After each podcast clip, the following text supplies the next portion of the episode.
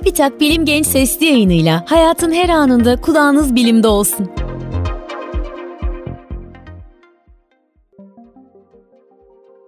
Bir kış sabaha kalktık ve perdeyi açtık. Beklentimiz dışarıda havanın serin ve yağışlı olmasıdır. Ancak perdeyi açınca dışarıdaki havanın sıcak ve yağışsız olduğunu gördük. Bir sonraki sabah perdeyi açtığımızda karşımızda gene sıcak ve kuru bir hava bulduk. Bütün kış ne zaman dışarıya bakacak olsak fazla yağış görmedik ama hava ciddi anlamda sıcaktı. Buna benzer şekilde yazın kurak zamanların süreleri de çok daha arttı.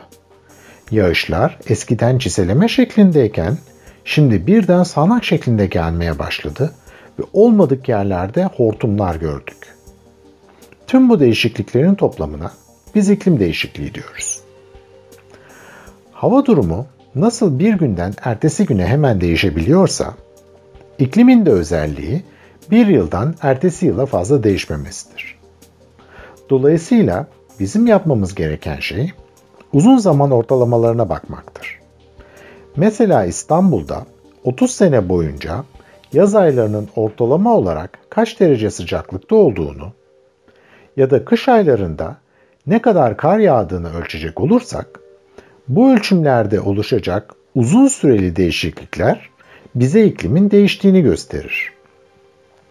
Çok eskiden nenelerimizin ya da dedelerimizin zamanında İstanbul'da kış aylarında epey ciddi kar yağarken artık son senelerde bu kar yağışı çok azalmış durumda. Bu ve buna benzer olaylar bize İstanbul'un ikliminin değişmekte olduğunu gösteriyor. Tabi sadece İstanbul'da değil, ülkemizin ve dünyanın her tarafında da iklim değişiyor. Bu bölgelerin bazıları biraz daha fazla yağış alırken bazı bölgeler biraz daha az yağış alıyor. Bazı yerler ısınırken çok az bölgenin hafif de olsa serinlediğini görebiliyoruz. Dolayısıyla dünyanın her tarafında iklim bir şekilde değişiyor. Ama iklim daha önce de değişmiştir. Mesela dinozorların yaşadığı çağlarda ortalama sıcaklıklar bugünkünden yaklaşık 10 ya da 15 derece daha yüksekti. Yalnız sıcaklıkların 10-15 derece yükselmesi ya da bu sıcaklıkların yerini çok daha serin bir iklime bırakması yaklaşık yüz binlerce hatta milyonlarca sene sürmüştü. Şu andaki iklim değişikliğinin temel problemi ise bütün bu değişikliklerin milyonlarca ya da yüz binlerce senede değil, sadece geçtiğimiz 100-150 sene içerisinde gerçekleşiyor olmasıdır. Bu hızlı değişime doğanın ve insanların kendini adapte edebilmesi çok zordur. Yaşamakta olduğumuz iklim değişikliğini doğa ve insanlar açısından tehlikeli kılan şey de tam da budur. İklim değişikliğinin en önemli sonucu dünyanın ortalama sıcaklığının artmasıdır. Dünyanın ortalama sıcaklığının artması ile birlikte sıcak hava dalgalarının şiddeti de artacaktır. Sıcak hava dalgalarından kastettiğimiz ise sıcaklığın belirli bir bölgede ortalama sıcaklıkların çok çok üzerinde uzun süre seyretmesidir. Ortalama sıcaklıkların artmasının bir başka sonucu da artan sıcaklıkların buharlaşmayı arttırmasıdır.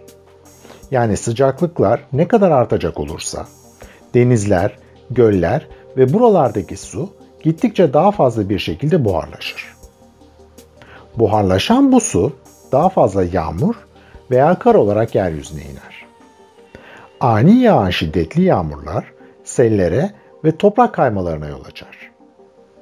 Özellikle yaz mevsiminde okyanuslarda oluşan kasırgalar büyük can ve mal kaybına neden olur.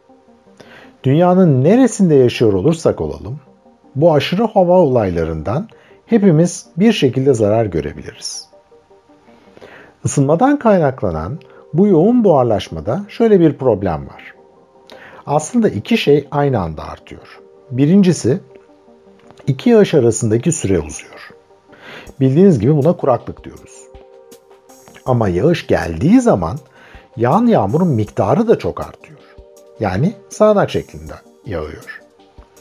Bu iki şeyi unutmamamız lazım. Birincisi iki yağış arasındaki süre uzuyor. Yani ortam kuraklaşıyor. Ama yağmur yağdığı zaman çok daha yoğun bir şekilde yağıyor. Bu da sellere, toprak kaymalarına ve giderek artan erozyona yol açıyor.